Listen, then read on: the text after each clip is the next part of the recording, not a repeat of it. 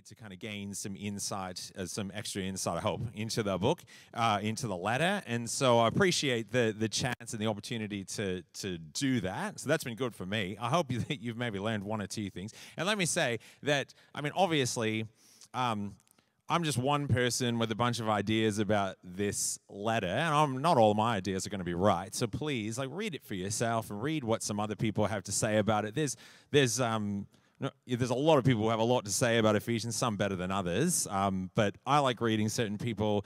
Uh, if you get a chance to read, uh, Craig Keener is a guy who has, I think, a lot of good things to say about Ephesians. He's um, he's an American uh, pastor preaching out of uh, Philadelphia, and uh, N.T. Wright, somebody I love. I love read. I'll read anything N.T. Wright writes. Uh, so he's got a, some cool things to say. There's lots of other people who've written commentaries and all kinds of stuff. So check that kind of stuff out. Don't just take my word for it. Look look for yourself and see if what I've been going through it actually resonates at all with you. Uh, but since this is our last week, there's my email address once again. If you've got any ideas or questions or challenges or whatever, you can you can use that. So I'm, I'm happy to uh, I'm happy to talk to you about it. Um, since this is our last week, let's just have a little bit of a review about kind of where we've been and where we've where we've gotten to in this letter. We started. Well, that's the name of the series, of course, Built Up Together, Unpacking Ephesians. And we started in our first week together with the, the title of A Bigger Story. And what we said was this is the first chapter of, Ephesians. And Paul is talking about the church, and he's talking about all of the grace that God has given to the church. And that the church finds itself, we find ourselves in a bigger story, as part of a bigger story. That our small stories get wrapped up into the bigger story of God uniting all things in heaven and on earth in the Messiah and that the Messiah, Jesus, has been raised above all powers and all authorities and sits at the right hand of God. And we are a part, we are a part of that story. Amen. Exactly, Simon. Amen. At least there's one person who thinks that's pretty exciting. Uh, the second. the second chapter and the second week we talked about was two become one. We used the Spice Girls for that. One of my personal favorite bands. Not really, not not really, but not really. Uh, but that was about if God is uniting all things in heaven and on earth under Christ, then the first sort of taste of that is taking place in the church. And at Paul's time, the taste of that that he is talking about is the unity of Jew and Gentile into one family of God, united as one family of God. So Jews and Gentiles unified in the same body and that in the body of Christ, in the death of Christ, the barriers between the two groups have been broken down. The third week, we looked at a, a nice big passage, uh, Ephesians 4 to 5, verse 20. And that was, that's the uh, probably the, the more interesting one to sort of get your head around. That was unite as a new humanity. So we had the idea that in that section, Paul is calling on the church, first of all, to act in a unified way, to be united. And he also wants the church to distinguish itself, to differentiate itself from the world around it, from the Greco Roman world that it was set in. He doesn't want them to behave like the people they see around them. And as part of that, week four, we looked at this uh, the household codes in chapter five and, and part of six. And that we called unity through mutual submission because Paul is, his number one command in there is that the church should submit to each other out of reverence for Christ. And he's saying that that's how unity is achieved. He wants the household to be unified. He wants the church to be unified by submitting to each other, by considering the other's needs as more important than my own and that the family, the Christian family, the Christian household should look different. It should look different than the households of the Greek and Roman world around. So that's sort of what we've covered already. And this week, we have this passage, Ephesians chapter 6, 10 to 24. So basically the end to, to the end of the letter. If you have your Bibles, you have your devices, whatever you use, and you want to turn there or I kind of tread water here, you can do that and then I'll be reading. I'm calling this week a united defense. Now, if you are very familiar with the letter of Ephesians, or you're familiar at all with the letter of Ephesians, you'll probably know that this section deals largely with the well known armor of God. And it's the armor of God passage. So, look, let's start out. Let's just read it together. I'm going to, I'm going to read from verses 10, uh, 10 to 17. I'll stop at 17. So, starting in chapter 6, verse 10. Finally, be strong in the Lord and in the strength of his power. Put on the whole armor of God so that you may be able to stand against the wiles of the devil. For our wrestling is not against enemies of blood and flesh, but against the rulers, against the authorities, against the cosmic powers of this present darkness, against the spiritual forces of evil in the heavenly places. And we talked a lot about the heavenly places earlier in our series. Therefore, take up the whole armor of God so that you may be able to withstand on that evil day, having done everything to stand firm. Stand, therefore, and fasten the belt of truth around your waist, and put on the breastplate of righteousness as shoes for your feet, put on whatever will make you ready, ready to proclaim the gospel of peace. With all of these, take the shield of faith, with which you will be able to quench all the flaming arrows of the evil one. Take the helmet of salvation and the sword of the Spirit, which is the word of God. And we'll just stop there the armor of God passage. Look, we all know it, right? We all know. We've probably all read it before. We've probably all read it a number of times before. Now, I'll say this there's a huge cottage industry that's built up around the armor of God. Like, for instance, you get hats and t shirts. I suppose that's the t shirt of righteousness and, and the hat, the baseball cap of salvation there. And you get, here's a charm bracelet. I like that one. I imagine each charm is sold separately. Uh, and I would expect you probably need to buy all the chunks because you wouldn't want your friends thinking that you only were wearing the partial armor of God. So you would need you would need to collect all of them. There's a lot of them there. It seems to be more than there seems to be more charms there than there actually are like items listed in the well that's that stands to reason, doesn't it? So there's these things. Um, here's here's what all the kids will be asking for this Christmas: uh, the armor of God playset. Uh, yeah. that one speaks for itself, doesn't it? Or if you have, if there's a collector in your household, you might want to pick up a few of these armor of gold or full armor of gold figurines. Um, I hope Koorong doesn't sell these. I honestly, I hope it doesn't. but anyway, that's that's the kind of stuff you find out there, right? Where this people are people are, are really keen on this passage, and then of course there are books. There are shelves and shelves and shelves of books on the armor of God. There are libraries of books on the armor of God. And honestly, some of these books are about as long as the commentaries on the entire entire letter of Ephesians. So what does that tell you? There's a, a lot of these books out there that have, you know, they'll have a chapter for each piece of armor and they'll talk about it and they'll say, oh, the breastplate of righteousness, of course, that goes on your chest because it protects your heart and all that kind of stuff. This is the point where I need to put in my disclaimer. All right? You might be expecting something like that this morning, that I'm going to take five minutes and go through each of the pieces of armor and explain everything about it. That's not what I'm going to do. All right? So if you came looking for that this morning, that this is the point where I disappoint you. Uh, we are going to take sort of a different approach to it today, but I think, I think it's one that is consistent with the letter of Ephesians as a whole. And that's important because a lot of people kind of detach this passage from the letter of Ephesians as though somehow this is just the extra bit that Paul sort of thought of at the end. Oh, yeah, uh, let's talk about the armor of God. No, this belongs with the rest of the letter, and it fits, I think, fits very well with the rest of the letter. So that's the approach that I'm kind of going for this morning. The thing is, when people read this passage, they often forget, we often forget, that this is a metaphor, right? This is a metaphor. And Paul often in his letters plays very fast and loose with his metaphors.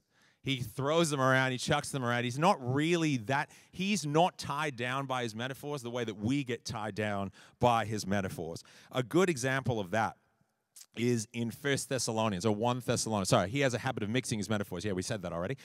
1 Thessalonians 5. You don't have to turn to 1 Thessalonians 5. I'll tell you what 1 Thessalonians 5 is sort of all about. Chapters, uh, 1 Thessalonians 5, verses 1 to 11. And in that passage, these are the metaphors that Paul gets into. He says that the day of the Lord is coming like a thief and like labor pains for a pregnant woman. But we live during the day, so we should stay awake and not get drunk, and we should put on the breastplate of faith and love. Those are all within the span of, of 11 verses. He just chucks all those metaphors in there together. Notice, too, interestingly, the breastplate of faith and love. In this passage that we just read, it's the breastplate of righteousness. Paul doesn't really care too much about the actual items of armor and what they represent. He's not that tied down to them. And so we need to be careful not to get too rigid, too rigid when we're interpreting Paul's armor metaphor in the passage we're reading this morning.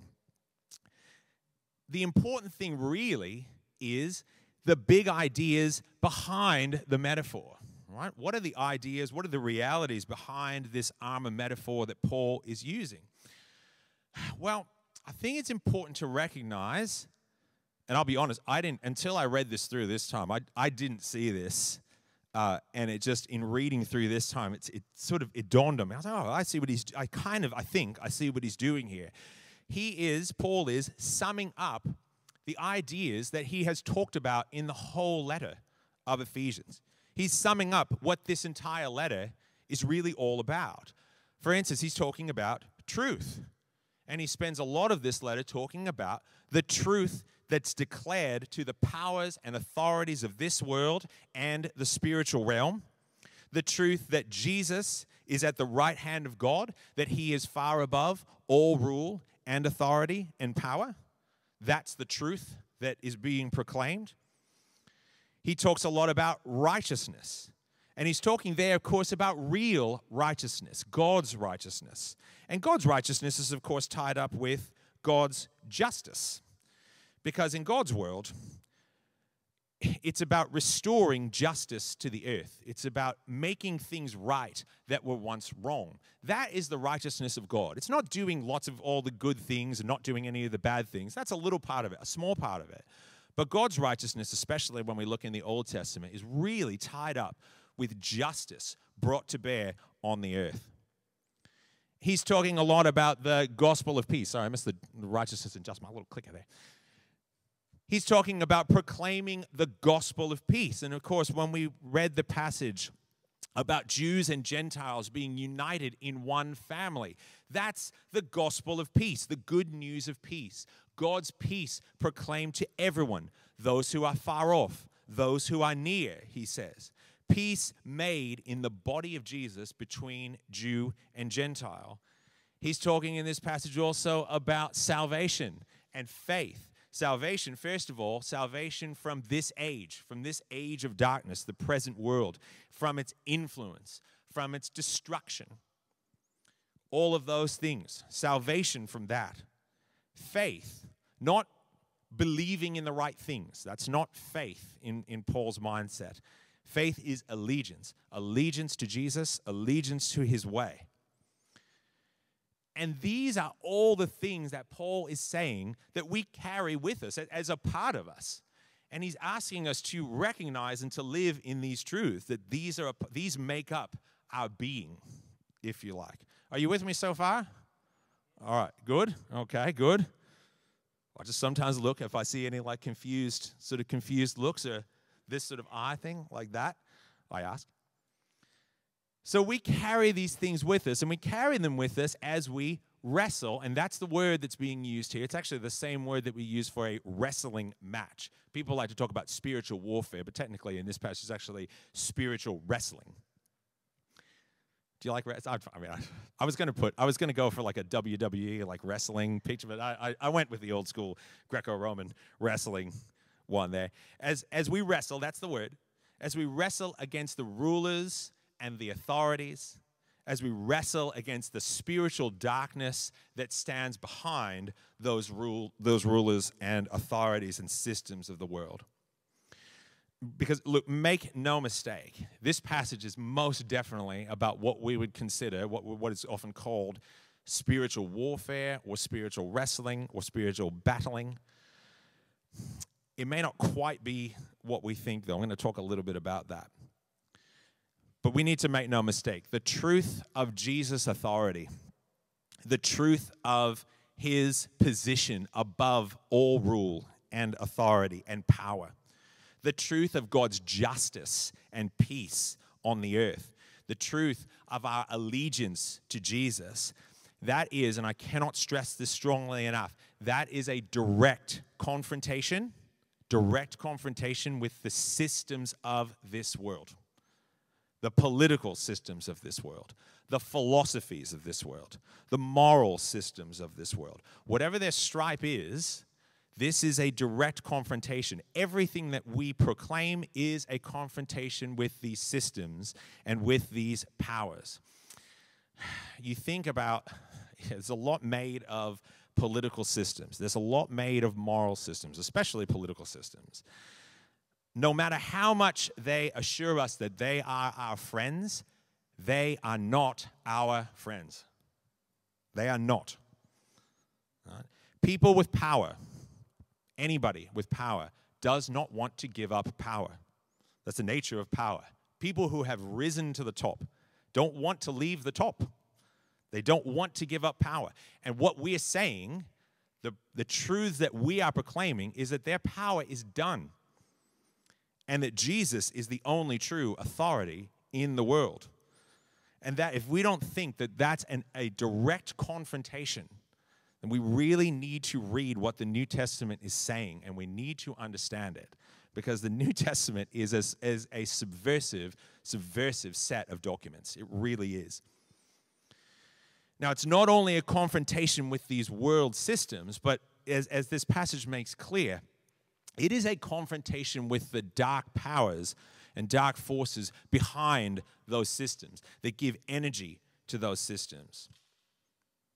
Now, look, some Christians, a lot of Christians actually, can develop, let's call it an unhealthy obsession with the spirit realm. And there are many who sort of claim a, in, in certain quarters of the church, I guess, there are many who claim a, a comprehensive understanding of demonic hierarchies and influences and and identities and things that, that really borders on arrogance.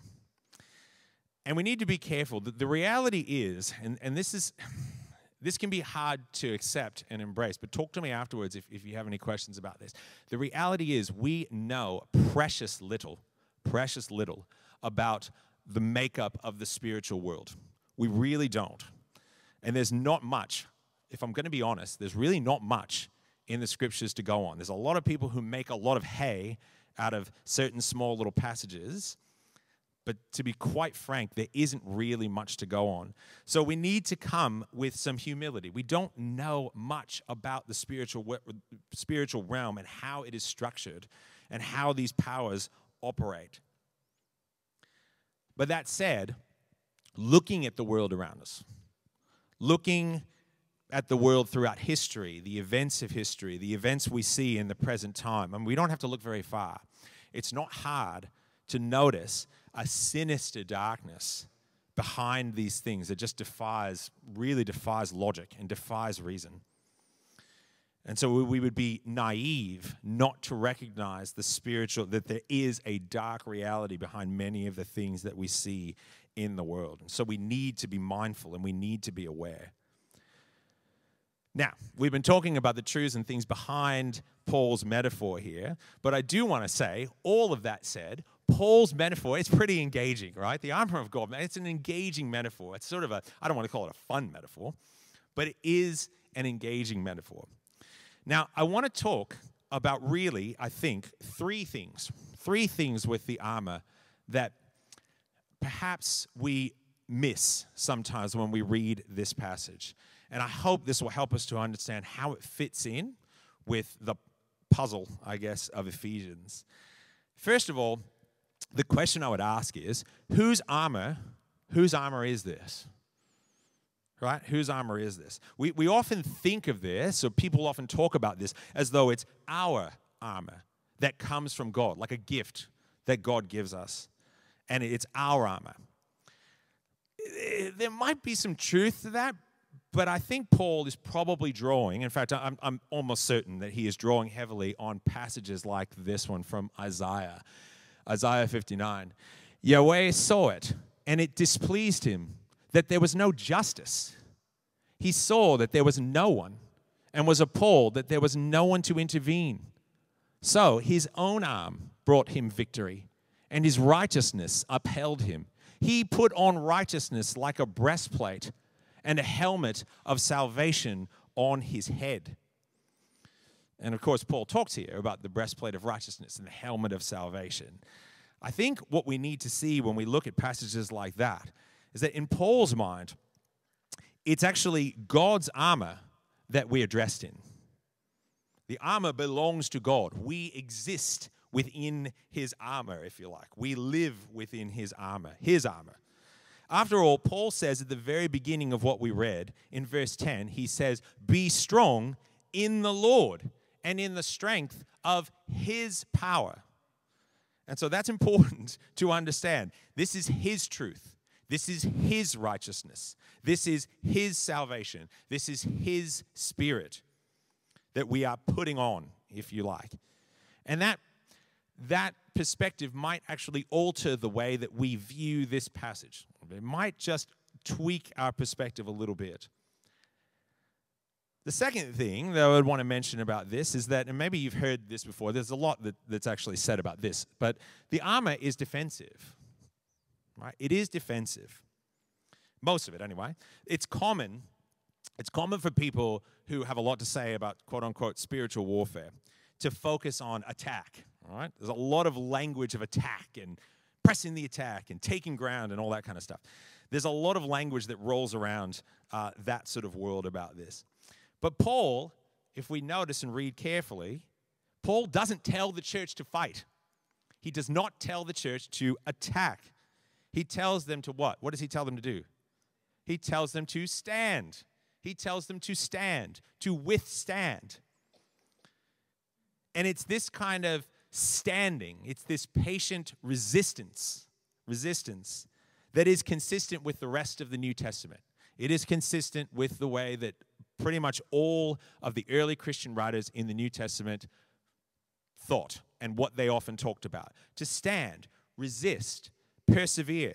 It's consistent, for instance, with Jesus' Sermon on the Mount, and it's consistent with his temple prophecy in the later part of you can read i mean you can see it in mark and matthew and, and luke you can see it in any of the gospels but towards the end of mark his temple prophecy uh, it's consistent with like for instance 1 peter. 1 peter's whole letter is really about really about resistance and it's about perseverance. It's consistent especially with the book of revelation.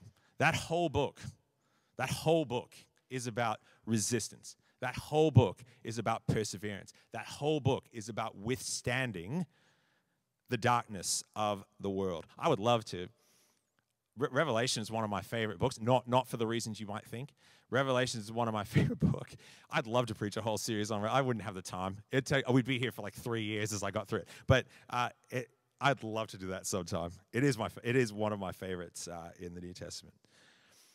The only, the only, so getting, I digress by talking about revelation but that book is that book is about perseverance. That book is about resistance standing persevering taking everything that the enemy has and still standing at the end of the day.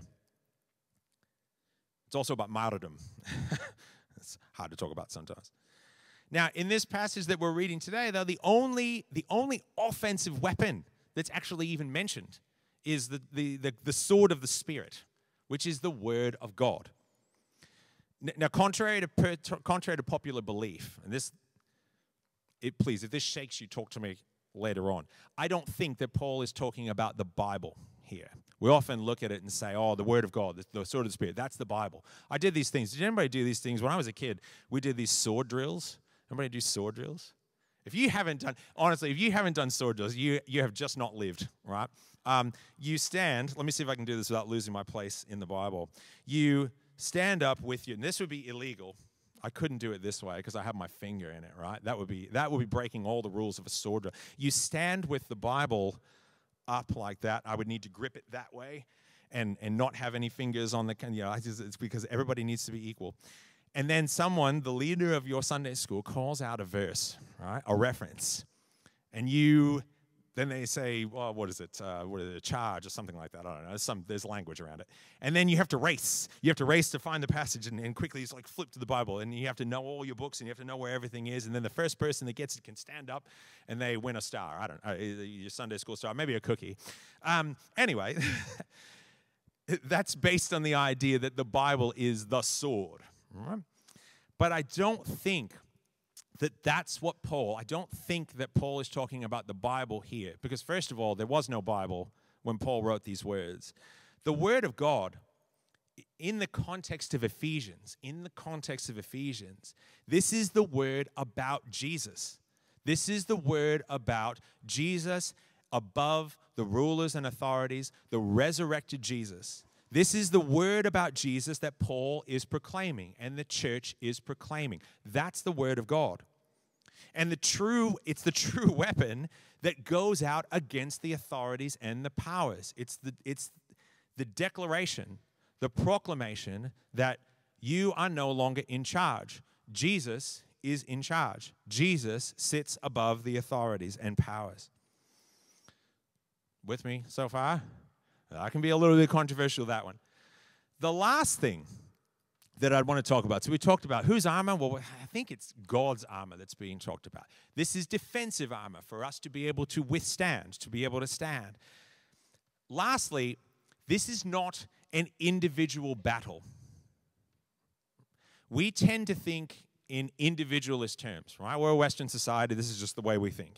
We tend to think in individualist terms. And often when we read this passage about the armor of God, this is what we think. We think of these individual knights, right? Fighting dragons, or yes, that is Monty Python and Holy Grail, you know, uh, or, or engaged in single combat, right? Fighting each other. But we have to remember this is this is Western culture. This is really Western culture stuff, right? Paul is writing to an Eastern culture.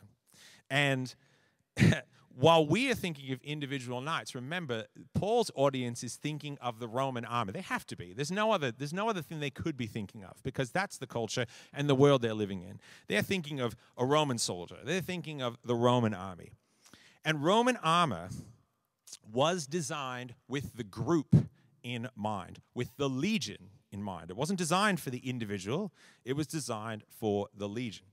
This is a Roman formation that we call the testudo or the tortoise. And I don't know if you've ever seen this in like movies or books. This is the tortoise, and you can see, I hope, you can see what these soldiers are doing. They take their shields and build, a, basically, they build a shield wall that covers their heads, that covers their fronts, and all of the pieces of armor behind that shield will also, also help the soldiers to lock together. And they have to move and they have to work as a unit. And that's how Roman, that, that, this, is a, this is a tactic that the Roman army used a lot right? And and this is one of the reasons that made them so powerful and so difficult to so difficult to defeat. So this is a united defense right? And it protects the entire legion. Doesn't protect just the individual it protects the group. And the armor that paul's audience would have in mind was most effective when it was actually working as a part of a unit as a part of a unified legion in unity are you getting the idea of why this fits into Ephesians? By the way, as we look in this passage, none of these verbs, none of these verbs that are used in this passage, I'm trying to think what they are now. This uh, uh, endusaste and and some something like that. Uh, put on, to put on, and to take up. Um, those verbs, they're all plural. They're all second person plural. There's no, sorry, I'm being grammatical. Um, let me break that down. It is, the, all the verses are addressed to the group.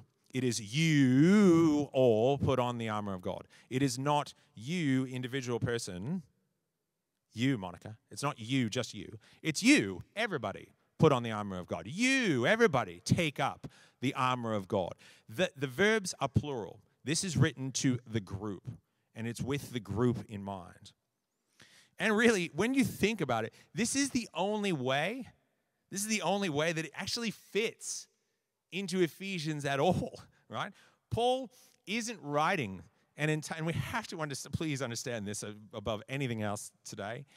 Paul is not going to write an entire letter about unity and just talk about unity, unity, unity all the way through, and then all all of a sudden at the end say, "Oh yeah, and um, uh, let's talk a little bit about the armor of God. Have this stuff on." No, no, that's just not the way he would have done it. Right? That's just not the way that letters that letters that he wrote were, were written. They hang together too well for that. So it has to be. Well, this is. I, I think it, it has to have this unity aspect in order to fit as a part of the letter that we have been reading. And really, guys, when we think very carefully about this, we understand, I think, that standing against the powers and authorities of this world and of the spirit world, this, it's this is a group project, right? It's not everybody for themselves. Right? It calls for unity. This is a unified effort. It calls for us to stand, right? It calls for us to stand, but not just stand alone. We love the idea in Western culture of standing alone. I stand alone. No. No. We're not supposed to stand alone. We are supposed to stand with our brothers and with our sisters in Christ. And we are supposed to defend each other. And we are supposed to look out for each other. And we are supposed to protect each other.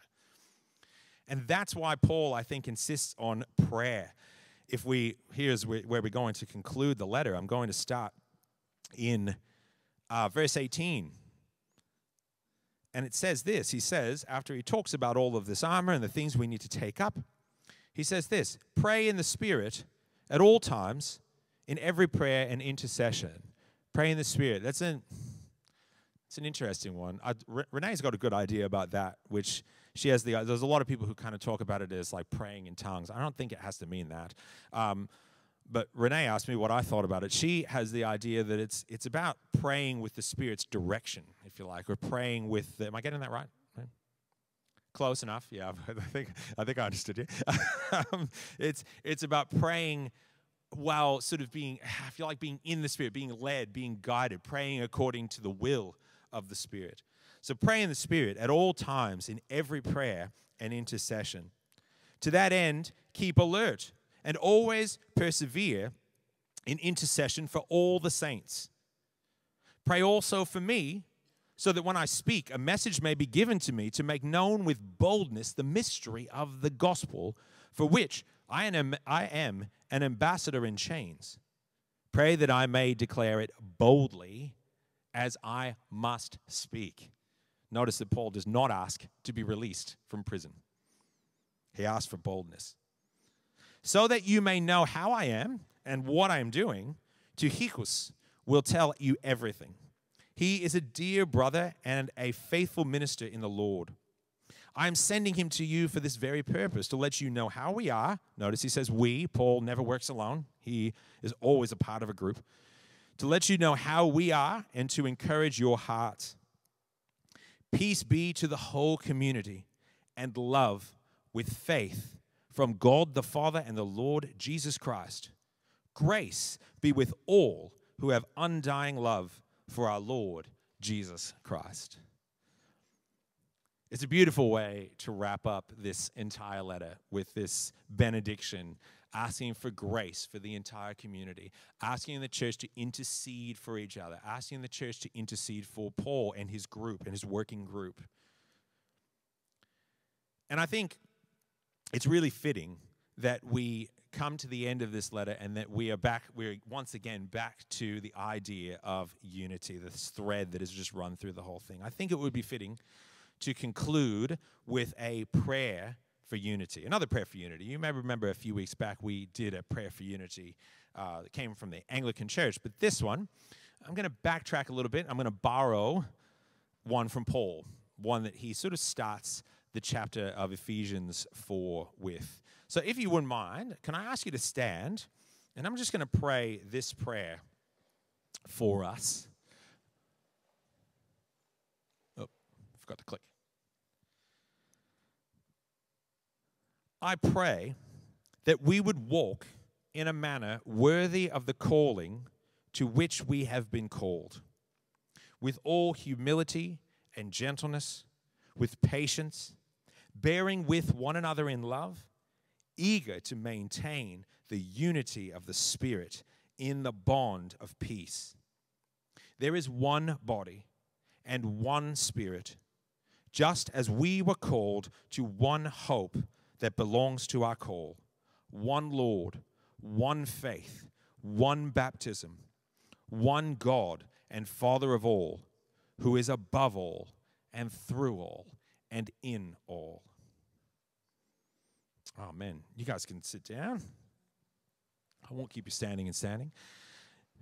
So that's, guys, that's where we wrap it up. Um, to be honest, uh, you know, there's some, obviously, when we talk about things like spiritual warfare, when we talk about things like uh, united defense and all of those kinds of things, this is the moment where we should be thinking about covering each other, right? Interceding for each other. So, you know, we come, we bring all kinds of things with us into this into this body, right? We bring all kinds of gifts, but uh, we'd be lying if we said that we didn't bring all kinds of struggles with us as well. That's just the nature of life, isn't it? And when we talk about things like spiritual warfare, like I said, we don't we don't understand always the interplay between uh, between the spiritual realm and the physical realm. I think there's probably a lot a lot more interaction than we notice or recognize. Uh, but it, what is very clear when we read the New Testament is things like, you know, when Jesus talks about healing the sick, when Jesus talks about setting people free from, from uh, physical maladies and, and, and uh, you, you know, mental issues and spiritual issues and all kinds of things like that. When Jesus talks about setting people free, he he talks about it as coming against the works of the devil. He talks about it as tying up the strong man, tying up the enemy. Right? He talks about, and, and so often in the Gospels, we read about him casting out demons. That's one of the big things he does. And of course, that's a proclamation of the kingdom in its own right, that the authority, the kingdom of God, has come to come into reality, and thus the kingdom of this world, if you like, or the kingdom of the enemy, is being destroyed, is being is being beaten back.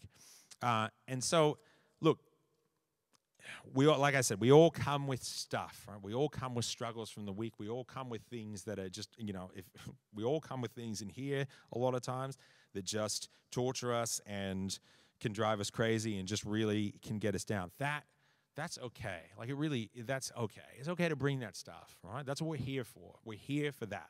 We're here to cover you. All right, we're here to pray with you. I need it. You've seen me. I, you know, you know that I that I need it. I need that covering. And so this morning, I want to say, like we always do, I want to open up some time for ministry. Um, I don't want people like I haven't wanted people to have to come up to the front or anything like that. So you know, if you're in, and I don't, it's I don't care what your struggle is. It really doesn't matter. Um, well, I do care, but it doesn't matter which one you bring. I, of course, I care. Um, but it's not. It's you know, it doesn't matter what your struggle is. You can you you can bring that to us and allow us to allow us to pray with you and allow us to intercede for you. Allow us to be that united body. Allow us to defend you. Allow us to protect you. Right? Allow us to do that. That's a privilege for us. Yeah, that's a privilege for us. It really is. Right? And we, I think we all see it that way. When we get a chance to intercede for each other, it's a privilege, right? It's fun. All right. If that's look, if that's you and you are like you're feeling that this morning and you just need, like I said, doesn't matter what it's for. Um, it, if you need some covering, if you need people to intercede for, if you need people to pray with you, I'd invite I'd invite you to stand. I know that's hard. I really do. I know it's hard. It's not it's not easy to kind of put yourself out there. But there's no judgment here. We we've we are, uh, we've all been there. I've been there plenty of times, and I will be there again, and I'll need it myself. Uh, and so I'd invite you to stand, and I'll just, uh, when you see, I'm just going to put the microphone down, but if people are standing, if you see, obviously, just look around. If people are standing up, they need some prayer, and we can gather around them.